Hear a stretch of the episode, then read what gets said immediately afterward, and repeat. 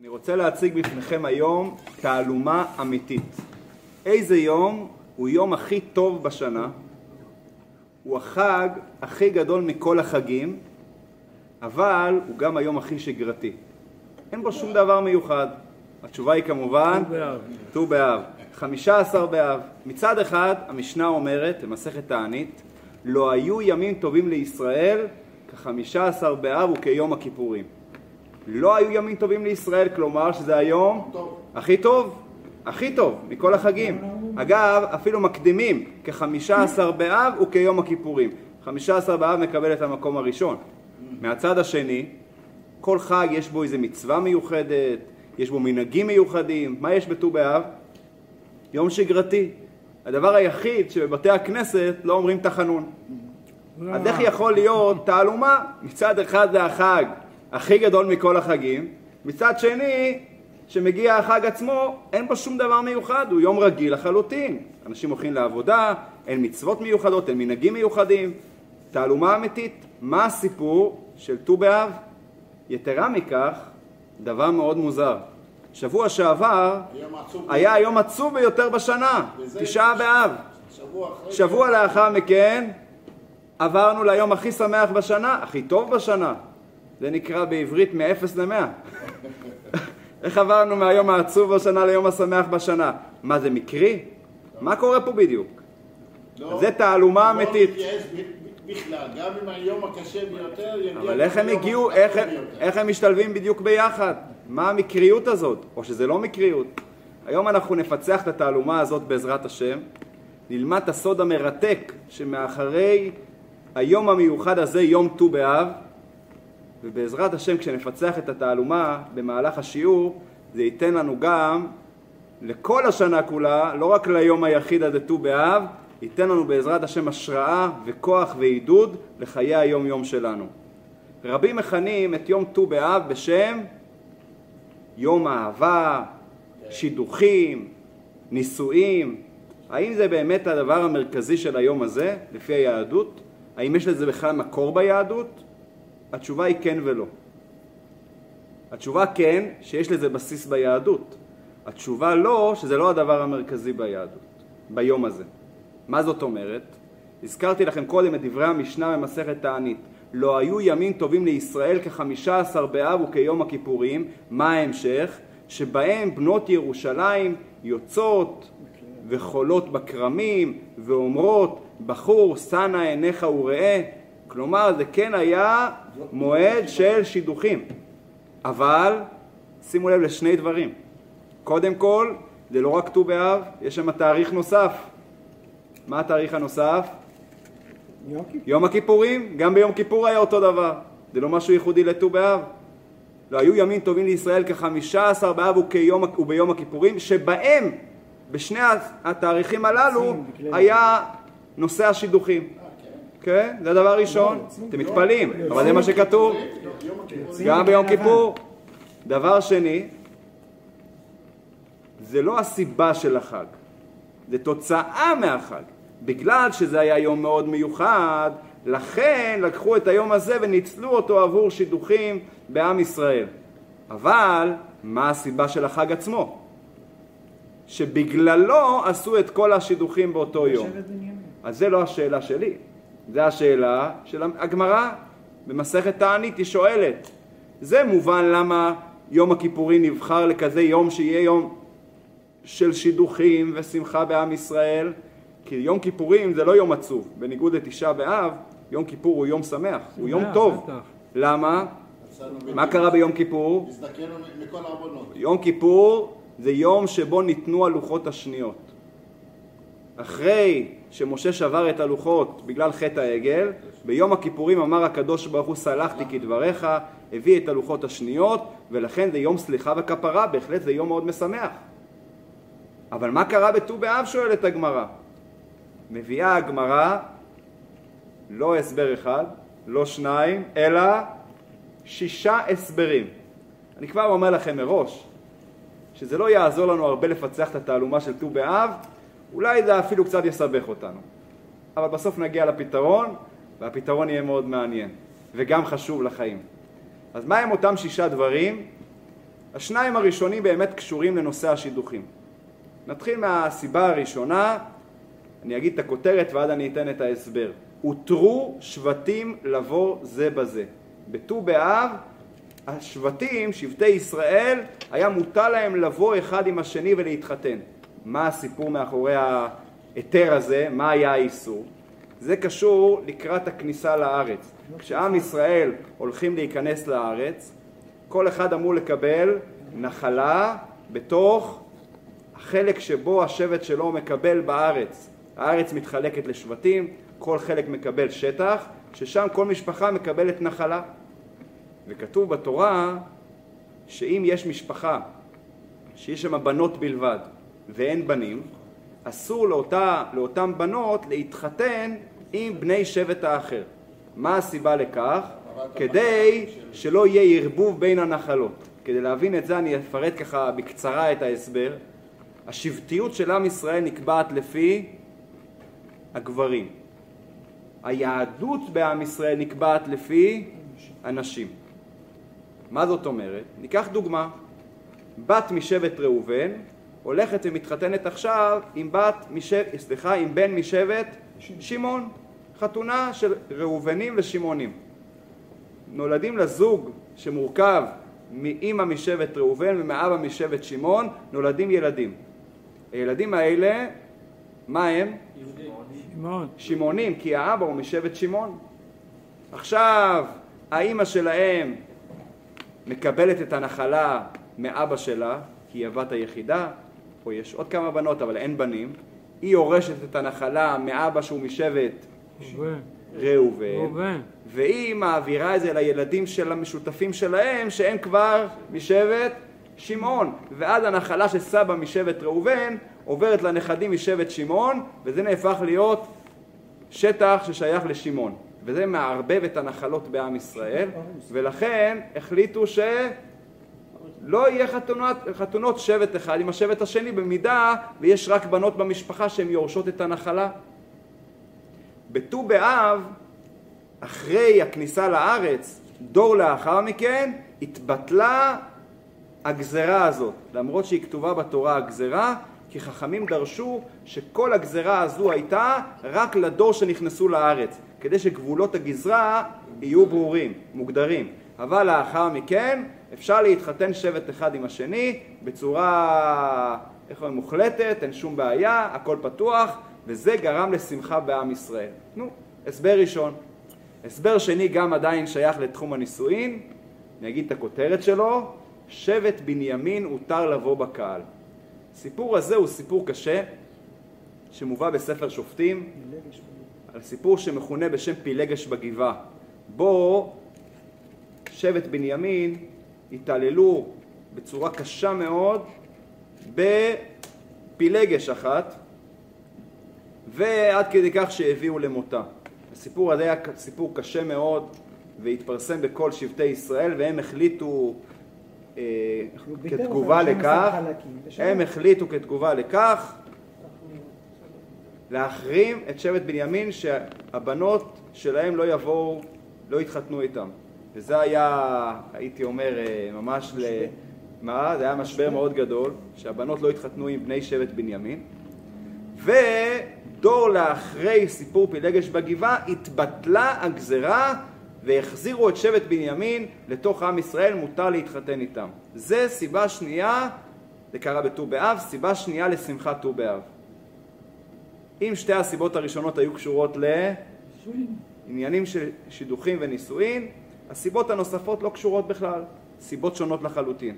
סיבה שלישית, כלו מתי מדבר, זה הכותרת. מה הסיפור? זה סיפור כבר, סיפור מוקדם יותר, עוד לפני הכניסה לארץ. בשנת ה-40, השנה לפני הכניסה לארץ, הם נכנסו אחרי 40 שנה שהיו במדבר. בשנת ה-40 שעם ישראל נמצאים במדבר, בט"ו באב כלו מתי מדבר. מה היה הסיפור? 38 שנים קודם לכן היה חטא המרגלים.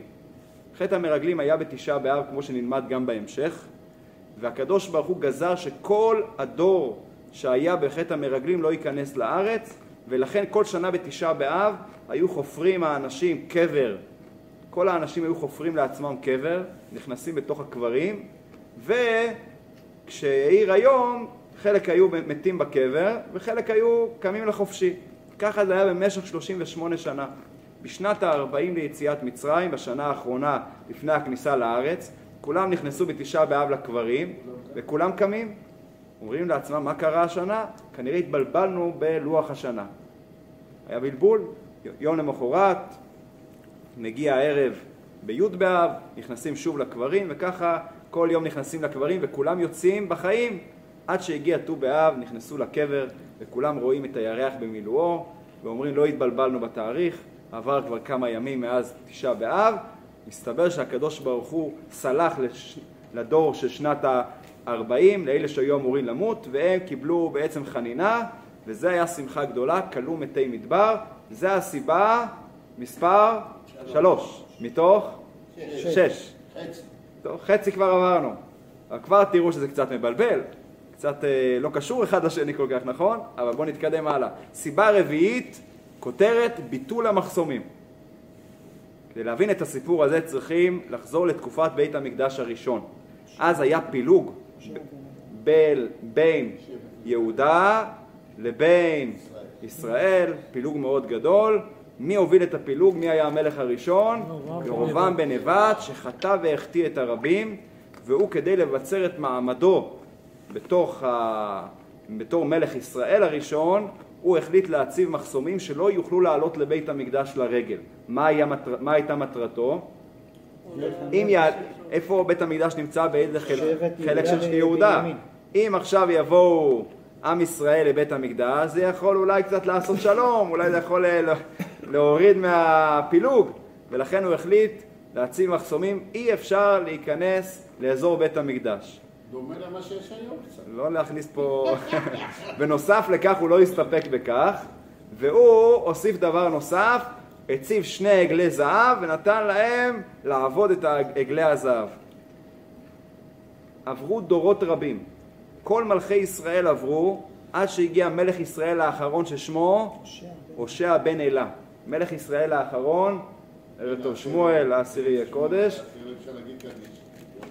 אז אה, הושע בן אלה היה מלך ישראל האחרון, הוא לא היה צדיק גדול, אבל הוא גם לא היה רשע גדול. הוא לא היה רשע כמו ירובעם בן נבט, והוא היה דמוקרטי. מה זה דמוקרטי? הוא אומר צריך לאפשר לכל אחד לעשות מה שהוא רוצה. הוא ביטל את המחסומים ואמר כל אחד יעשה כרצונו, נתן לעם ישראל לעלות לבית המקדש, מי שרוצה ילך לבית המקדש, מי שרוצה ילך לעגל הזהב. הכל פתוח. וזו הייתה שמחה גדולה, תחשבו, עם ישראל, רוב עם ישראל לא יכלו ללכת לבית המקדש. זה שמחה גדולה של ט"ו באב. הסיבה הרביעית. נעבור לסיבה החמישית, היא קשורה בכלל לתקופה קשה מאוד לעם ישראל. אחרי חורבן בית המקדש השני, עברנו כמה מאות רבות של שנים, בערך 50-60 שנה אחרי החורבן, היה סיפור קשה מאוד בעם ישראל, המכונה מרד בר, מרד בר כוכבא, שבסיומו של המרד הזה היה טבח נוראי בעיר ביתר. בעיר ביתר נהרגו מיליונים של יהודים, כך אומר התלמוד. עד כדי כך, התלמוד מתאר איך הנערות של הדם שלהם התערבבו ביחד עם הנ- עם הנערות של המים ביחד, וכמעט הנערות נהפכו להיות אדומים. היה שליש אדום ושני שני חלקים מים, ממש סיפור נורא ואיום.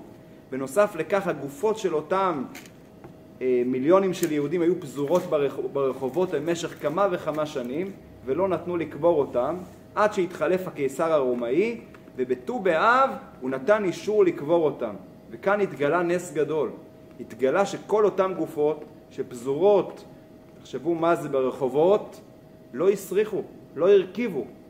וזה היה שמחה מאוד גדולה לראות אותם אה, גופות במצב נורמלי קברו אותם והיה שמחה גדולה בט"ו באב, עד כדי כך שבאותו יום תיקנו ברכה מיוחדת שנכנסה לברכת המזון, שנקראת ברכת הטוב והמטיב, הברכה הרביעית, הטוב שלא הסריחו והמטיב שניתנו לקבורה. אז זו הסיבה החמישית לשמחה של ט"ו באב. הסיבה השישית והאחרונה קשורה לנושא אחר לגמרי. יום שבו פסקו מלכרות עצים לבית המקדש. מה זאת אומרת? מה? הירוקים, אני אומר, אלה- אלה ששומרים על. השמחה לא הייתה בגלל הירוקים, זה לא הייתה הסיבה. הסיבה הייתה בגלל שסיימו לעשות מצווה חשובה. מה זה אותם עצים שהיו כורתים לבית המקדש? בבית המקדש היה את המזבח שבו היו מקריבים את הקורבנות, שם היו צריכים שאש תמיד תוקד על המזבח. איך האש, איך האש הייתה תמיד יוקדת על המזבח?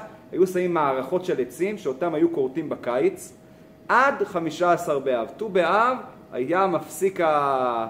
הייתה, אה, מלאכת הכריתה הייתה מפסיקה, למה? בגלל שתשש כוחה של חמה, השמש מתחילה קצת לרדת בתוקף שלה, ומה הבעיה? ואז עצים נשארים לחים. או, כיוון שהיובש של השמש קצת נחלש, והעצים קצת נהיים קצת יותר לחים, ערב טוב זיו ברוך הבא, אם יש קצת לחות בעצים, יכול לבוא גם תולעים. עץ שיש בו תולעת, אסור על גבי המזבח. ולכן היום הזה שבו סיימו את המצווה החשובה הזאת, היו שמחים מאוד, עד כדי כך שנתנו לו שם יום דבר מגל. שומע? אסף. דבר מגל, יום ששברו בו את המגל בכיוון החיובי, המגל זה היה הגרזן שבו היו כורתים את העצים, ביום הזה הפסיקו את המלאכה, וזה היה יום דבר מגל, יום שמח לעם ישראל. זה ששת הטעמים. בואו נסכם אותם בקצרה למי שככה פספס אחד מהטעמים. שני הטעמים הראשונים, שתי הסיבות הראשונות קשורות לנישואין. מה אמרנו? שהותרו השבטים לבוא זה בזה, שבט בנימין הותר לבוא בקהל. סיבה שלישית אמרנו, פסקו מלמות מתי המדבר. סיבה רביעית, התבטלו המחסומים. סיבה חמישית, הרוגי ביתר ניתנו לקבורה. וסיבה שישית, פסקו לכרות עצים למערכה. עכשיו אני רוצה לשאול אתכם שאלה. מה נראה לכם חזק יותר? תשובה אחת להרבה שאלות, או הרבה תשובות לשאלה אחת? מה אתם אומרים? תשובה אחת להרבה שאלות זה מראה שהתשובה היא חזקה, ולכן היא עונה על כמה שאלות. אבל מה קורה שיש הרבה תשובות לשאלה אחת? מסתבר שמחפשים איזה סיבה. סיבה טובה, מתחילים להגיד הרבה תשובות. כנראה השאלה היא מאוד חזקה, ולכן צריכים הרבה תשובות להסביר את זה. פתחנו בשאלה מה הסיפור של ט"ו באב, הבאנו עוד סיבה ועוד סיבה ועוד סיבה. שישה הסברים, וזה רק מבלבל אותנו יותר. כי אם צריכים כל כך הרבה הסברים, כנראה שהתשובה היא לא מספיק. לא מספיק טובה. ומה בכלל הקשר בין ההסברים?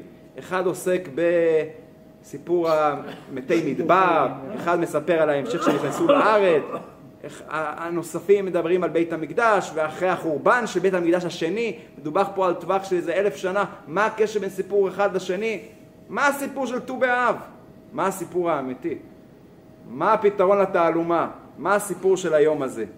כדי לקבל תשובה טובה, וכמו שאמרנו בפתיח, שנקבל את התשובה נקבל גם כוח ועידוד לחיי היומיום שלנו. ט"ו באב זה לא רק יום בפני עצמו, זה יום שנותן לנו כוח לחיי היומיום. רק כדי לקבל תשובה טובה, אני רוצה רגע אחד לחזור לשאלה הבאה פתחנו. פתחנו, אחת השאלות שפתחנו, איך הגענו מ-0 ל-100? איך מתשעה באב, יום כל כך עצוב, הגענו תוך שבוע ליום הכי טוב, ליום ט"ו באב, מ-0 ל-100. איך הגענו מהעצבות והיגון לשמחה גדולה? במקרה? התשובה היא כמובן שזה לא במקרה. יש קשר הדוק ומיוחד מאוד בין תשעה באב לבין ט"ו באב. אז רגע אחד לפני שנספר על הסוד של ט"ו באב, בואו נחזור לרגע לסוד של, לא לסוד, אלא למה שקרה בתשעה באב. זה לא שישה דברים, זה רק חמישה דברים, תהיו רגועים. רק חמישה. חמישה דברים קרו את אבותינו בתשעה באב, זה יהיה קצר יותר אבל, אבל חשוב מאוד. מה קרה בתשעה באב? אז שניים הראשונים זה מאוד קל. מה קרה בתשעה באב? נחרב בית המקדש הראשון והשני. שתיים יש לנו. אבל קרו עוד שלושה דברים שהמשנה אומרת.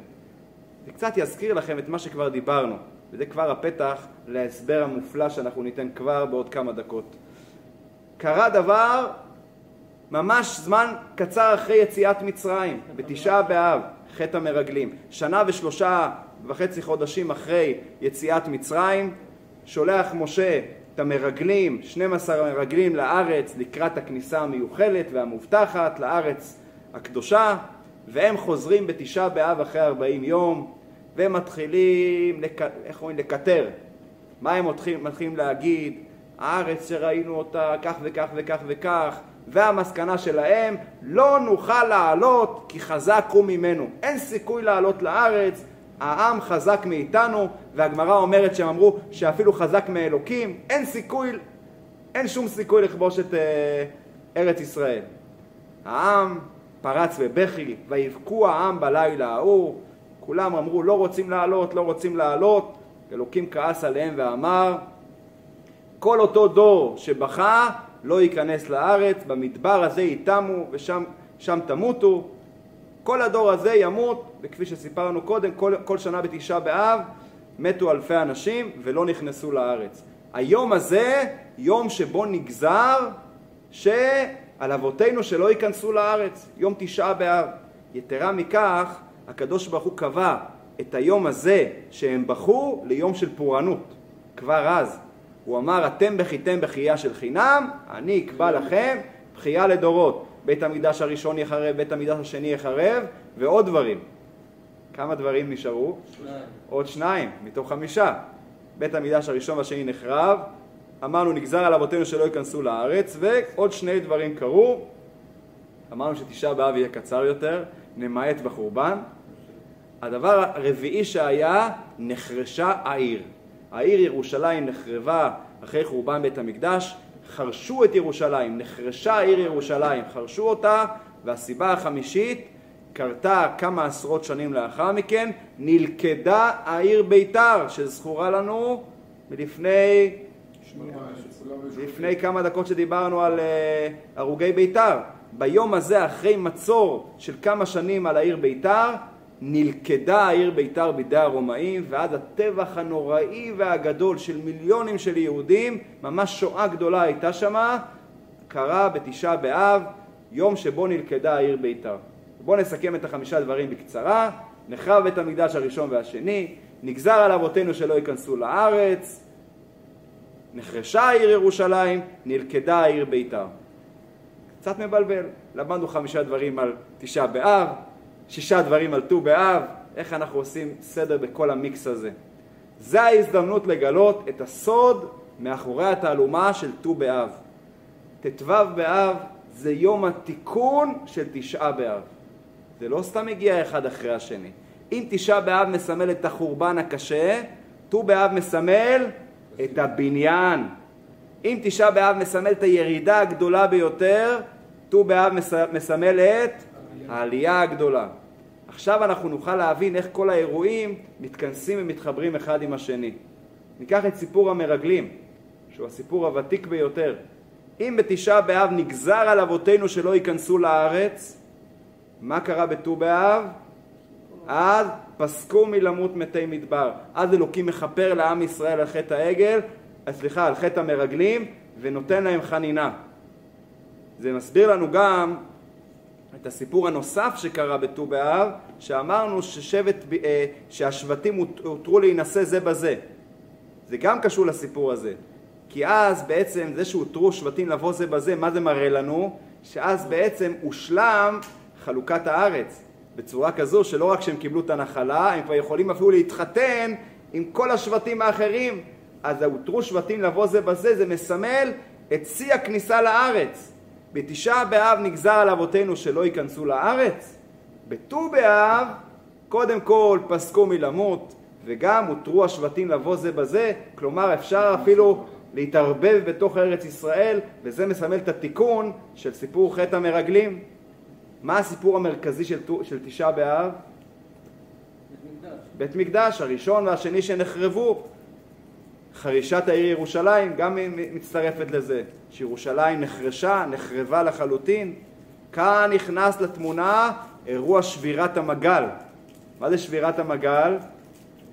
זה השלמות של העבודה של הקורבנות על המזבח. עיקר עבודה של בית המקדש הייתה עבודת הקורבנות. זו הייתה העבודה המרכזית. וביום ט"ו באב נשבר המגל, הזכרנו קודם שהמשמעות שלו שסיימו לכרות את העצים עבור המזבח. כלומר, זה יום שמסמל את השמחה הגדולה על העבודה בבית המקדש. אז אם תשעה באב מסמל על החורבן, על נחרשה עיר ירושלים, מגיע ט"ו באב ומספר לנו על העבודה בבית המקדש. מה הוביל לחורבן בית המקדש? שנאת חינם. שנאת חינם נחרבה, נחרבה ירושלים. שנאת חינם על קמצא ובר קמצא.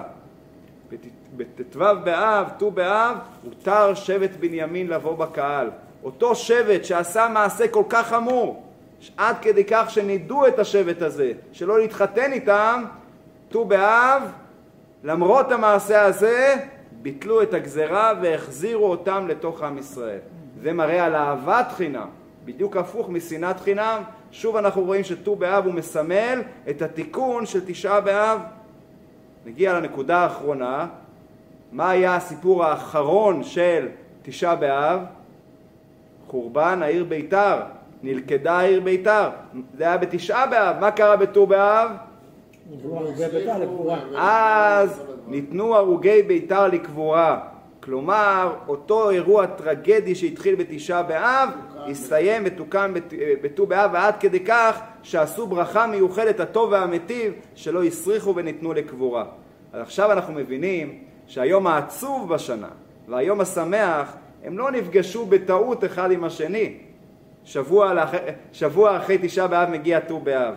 אלא ככל שהעצב הוא עמוק יותר, קשה יותר, כך השמחה שבאה בעקבותיו היא גדולה יותר, היא משמעותית יותר.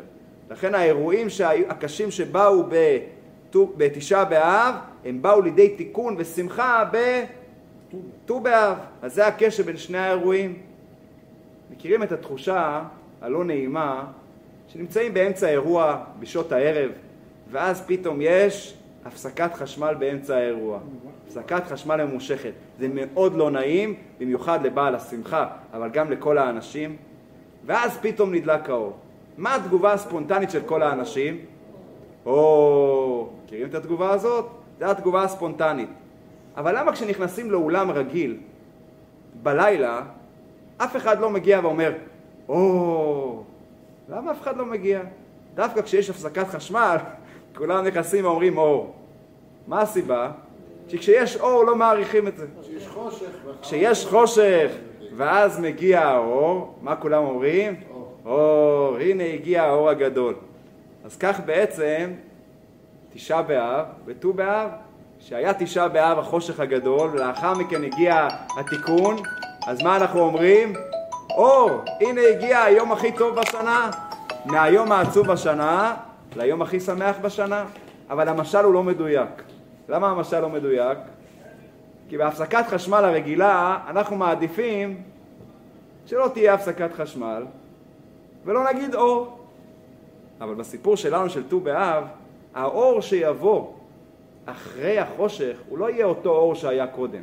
האור יהיה חזק יותר ומשמעותי יותר, והתיקון יהיה, יוביל אותנו למקום הרבה יותר גבוה והרבה יותר משמעותי ממה שהיה קודם לכן. אז לכן הסיפור של ט"ו באב הוא יותר מאשר סתם הפסקת חשמל שנהיה אור. זה אור הרבה יותר גדול. אבל כאן אני רוצה להעלות ככה שאלת לקראת סיום, שאלה משמעותית וחשובה שעדיין לא ענינו. כאן, אנחנו נפתור לגמרי את התעלומה של ט"ו באב. אם באמת זה כזה יום נעלה, אם זה יום הכי טוב בשנה, הור כזה גדול, אז למה אנחנו לא מציינים אותו כמו כל החגים, או יותר מכל החגים? לפחות כמו שאר החגים. למה זה יום רגיל, יום שגרתי? למה לא להוריד את החנון, בסדר, זה הסמליות, הזכרנו את זה בתחילת השיעור, הסמליות היחידה שבאמת, אבל אם זה היום, לא היו ימים טובים לישראל כחמישה עשר באב, כזה יום שדיברנו עכשיו שיעור שלם, על כל המעלות שלו, ולא סתם מעלות, איך שהוא מתקן את כל תשעה באב, וזה הבניין שאחרי החורבן, אז למה אנחנו לא מציינים אותו באמת בצורה נפלאה ביותר? או, מגיע אסף ואומר לנו את התשובה הנכונה. כי האור באמת עדיין לא הושלם. בית המקדש עדיין לא נבנה, יש לנו עדיין צרות, יש לנו עדיין חורבן. אז מצד אחד, יש פה סמליות. כל אותם דברים שאמרנו, זה מסמל את התיקון של החורבן. אבל עדיין האור לא נדלק לגמרי. עדיין אנחנו מצפים לגאולה. לכן מצד אחד יש כאן סמליות ביום הזה. סמליות לאור הגדול שעתיד לבוא. אבל מצד שני, עדיין לא הגיע. אנחנו עדיין לא יכולים לחגוג עכשיו כאילו, כאילו האור, האור דלוק לגמרי. נכון, אז בהחלט ט"ו באב עתיד להיות יום מאוד מאוד גדול שבו ידלק האור בכל העוצמה ואפילו יותר ממה שהיה לפני תשעה באב. אבל הוא עדיין לא הגיע, אז אי אפשר עכשיו לחגוג כאילו הוא אכן הגיע. ולכן מצד אחד הוא יום סמלי, הוא מסמל על התיקון שעתיד לבוא, מצד שני הוא עדיין לא הגיע. אז לכן זה הפרדוקס של היום הזה, כי מצד אחד אומרים שהוא היום הכי טוב, מסמל לנו את האור הגדול שעוד יבוא, מצד שני הוא עוד לא הגיע, ולכן הוא יום שגרתי. אגב, אני אומר לכם בסוגריים, בשיעור הקודם, שדיברנו על תשעה באב, שם הזכרנו גם את הצד האופטימי של תשעה באב, דיברנו על זה בהרחבה. מי שלא צפה אני, או שלא היה בשיעור, אני ממליץ לו לצפות, כי יש שם דבר מאוד מאוד חשוב, כל הצד האופטימי של תשעה באב, אבל בתשעה באב זה נסתר. בט"ו באב זה מתחיל להתגלות, אבל רק מתחיל. מתי זה יתגלה באמת? זה יהיה רק לעתיד לבוא. ולכן, היום לא חוגגים את ט"ו באב עם לא עוצמתו, רק סמל, סימבול, עבור מה שעתיד להיות. הסוד הגדול הזה של ט"ו באב, שבעצם בכל חורבן ובכל קושי ובכל ירידה יש בתוכה מסר של תקווה ועידוד וצמיחה ובניין, זה יכול לתת לנו כוח ותקווה לא רק לט"ו באב עצמו, אלא גם לחיי היום-יום. אנשים שנתקלים ביום-יום בקשיים של פרנסה, של בריאות, של זוגיות. יודע, מתחילים להגיד קשיים, אפשר להגיד מכאן עד להודעה חדשה. כל אחד עם הקשיים שלו. לפעמים אנחנו נמצאים בקשיים קשים, יש לנו הפסקת חשמל. הפסקת חשמל, יש אנשים שמאוד מאוד נשברים מזה, מהפסקת חשמל. כל התוכניות פתאום אה, נעלמות.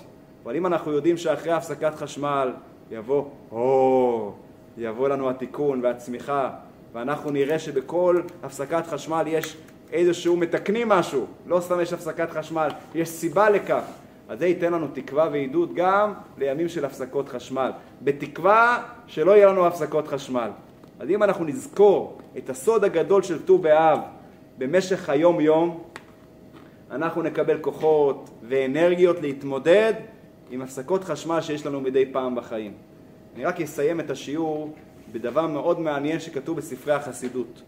הם מציינים שבט"ו באב זה יום החמישה עשר בחודש. זה יום שבו, הזכרנו גם בתחילת השיעור, הירח נמצא בשלמותו. הזכרנו את זה לגבי אותם אה, אנשים שהיו בקברים וראו את הירח במילואו וידעו שכבר עבר תשעה באב לחלוטין. עם ישראל נמשל לירח, והירח המלא מסמל על השלמות של עם ישראל, ומסמל את הפסגה שעם ישראל יבוא אליה. לא סתם בחמישה עשר לחודש. היום הזה גם מסמל שהשמש מתחילה להיחלש.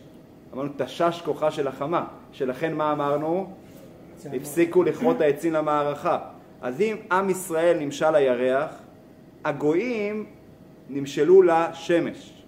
אז היום הזה, ט"ו באב, הוא בעצם מסמל מצד אחד את הפסגה של הירח, שזה פסגה של עם ישראל, מצד שני זה מסמל את החולשה של האויבים של עם ישראל, תשש כוחה של חמה.